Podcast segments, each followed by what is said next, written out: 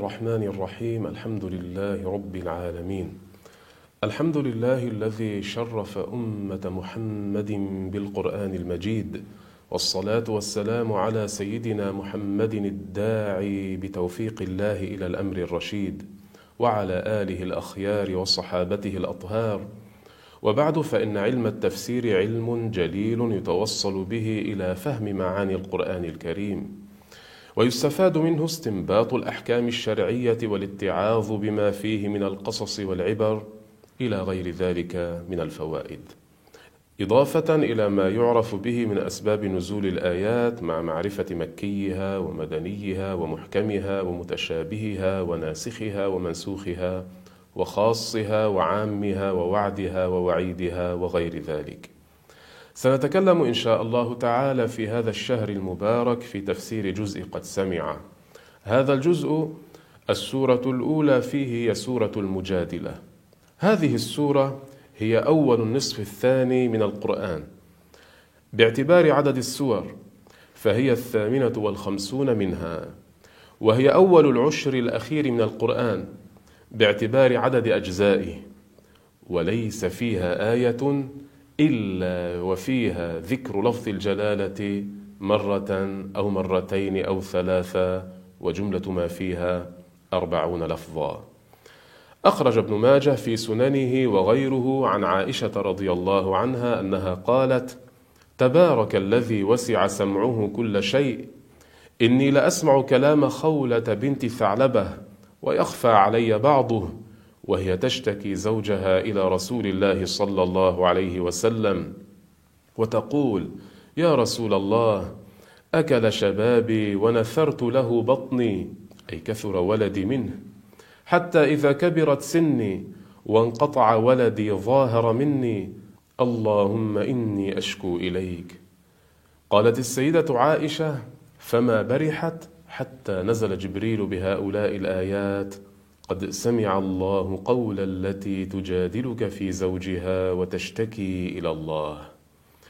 قول خولة ظاهر مني أي زوجها ظاهر منها أي قال لها زوجها أنت علي كظهر أمي أي لا أجامعك. فالظهار لغة مأخوذ من الظهر وشرعا هو تشبيه الزوج زوجته غير البائن بأنثى من محارمه. وهذا كان طلاقا في الجاهلية فغير الشرع حكمه. وهذا اللفظ حرام من الكبائر وأشهر صيغه أن يقول الرجل لزوجته أنت علي كظهر أمي. هذه هي الصيغة المتعارف عليها في الجاهلية. أعوذ بالله من الشيطان الرجيم. بسم الله الرحمن الرحيم. قد سمع الله قول التي تجادلك في زوجها وتشتكي إلى الله وتشتكي إلى الله والله يسمع تحاوركما ان الله سميع بصير. قوله تعالى قد سمع الله أي سمع الله بسمع ازلي ابدي لا كسمعنا ليس باذن ولا اله أخرى.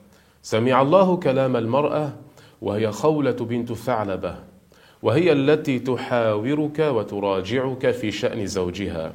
زوجها هو أوس بن الصامت هو الذي ظاهر منها. وكان قال لها أنت علي كظهر أمي. وكانت تشتكي إلى الله تتضرع إلى الله تظهر ما بها من المكروه. وكانت تشكو إلى رسول الله صلى الله عليه وسلم وحدتها فليس لها أهل سوى زوجها وكانت تشكو فاقتها وصبية صغارا إن ضمتهم إلى زوجها ضاعوا أي من عدم المتعهد بالخدمة. وإن ضمتهم إليها جاعوا أي من عدم النفقة لفقرها. والله يسمع تحاوركما أي تراجعكما فالمحاورة المراجعة في الكلام. إن الله سميع بصير. سميع لما يتحاورانه وغير ذلك من كلام خلقه. بصير بما يعملون وبعمل جميع عباده. ثم قال الله عز وجل الذين يظاهرون منكم من نسائهم ما هن أمهاتهم. هذا توبيخ من الله. توبيخ من الله للذين يظاهرون من زوجاتهم. فيقولون لهن أنتن علينا كظهور أمهاتنا. الله عز وجل قال ما هن أمهاتهم؟ ما اللواتي يجعلونهن من زوجاتهم كالأمهات بأمهات؟ المعنى ليس هن بأمهات. ثم أكد الله عز وجل ذلك بقوله إن أمهاتهم إلا اللائي ولدنهم أي ما أمهاتهم؟ إلا الوالدات.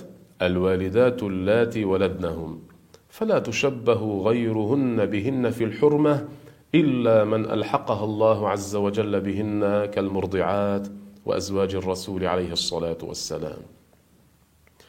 وإنهم ليقولون منكرا من القول وزورا. أي إن المظاهرين قالوا قولا فظيعا لا يعرف في الشرع. قالوا منكرا من القول وزورا أي كذبا منحرفا عن الحق. لماذا؟ لما في هذا اللفظ حين يقول الرجل لزوجته أنت علي كظهر أمي؟ هذا فيه تشبيه للزوجة بالأم في التحريم. الأمهات محرمات على التأبيد بخلاف الزوجات. وإن الله لعفو غفور. إن الله لعفو لذو عفو وصفح عن ذنوب عباده إذا تابوا منها وأنابوا. وهو غفور سبحانه وتعالى يغفر لهم ولا يعاقبهم عليها بعد التوبة. لما بين الله سبحانه وتعالى في هذه الآية أن قول الظهار الذي كان يصدر منهم هو قول منكر وزور بين في الآية التي تليها حكم الظهار فقال الله عز وجل والذين يظاهرون من نسائهم ثم يعودون لما قالوا ثم يعودون لما قالوا فتحرير رقبة من قبل أن يتماسا. الذين يقولون لنسائهم أنتن علينا كظهور أمهاتنا. وقلنا هذا اللفظ حرام فيه إيذاء للزوجة. ثم يعودون لما قالوا. اختلف العلماء اختلف أهل العلم في بيان معنى العود في هذه الآية. الشافعي رضي الله عنه قال إن معنى العود لما قالوا هو السكوت عن الطلاق بعد الظهار زمانا يمكنه أن يطلقها فيه فلا يطلقها. أي قال لها أنت علي كظهر أمي ثم بعد ذلك لم يطلقها. إذا وجد هذا الإمساك استقرت عليه الكفارة. تشبيه تشبيه الزوجة بالأم يقتضي أن لا يمسكها زوجة بعد ذلك.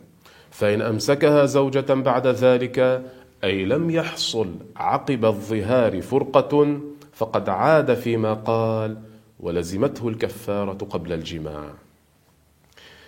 فكفارتهم تحرير رقبة أي عتق رقبة مؤمنة سليمة سليمة من العيوب المضرة بالعمل والكسب وهذه الكفارة لا بد من أن تؤدى قبل أن يجامعها. فلا يحل للمظاهر جماع زوجته التي ظاهر منها قبل أداء الكفارة. ذلكم توعظون به. يعني أن غلظ الكفارة وعظ لكم. كي تتركوا الظهار ولا تعاودوه. والله بما تعملون خبير.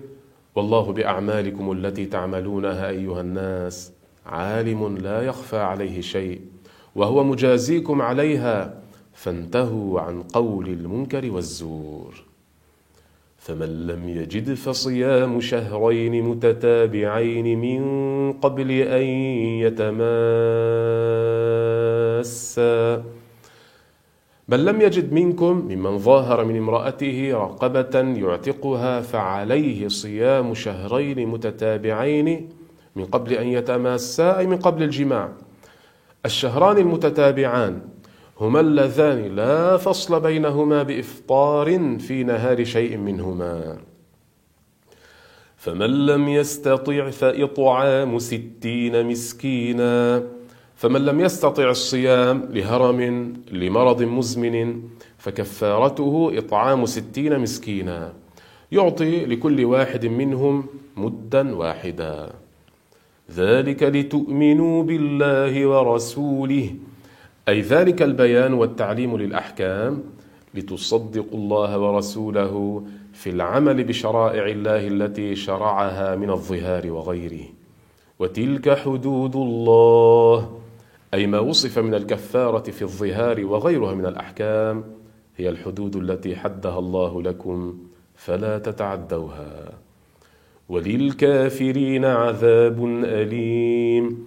أي للكافرين عذاب مؤلم في جهنم يوم القيامة. وفقنا الله وإياكم إلى ما يحب ويرضى. والله سبحانه وتعالى أعلم وأحكم.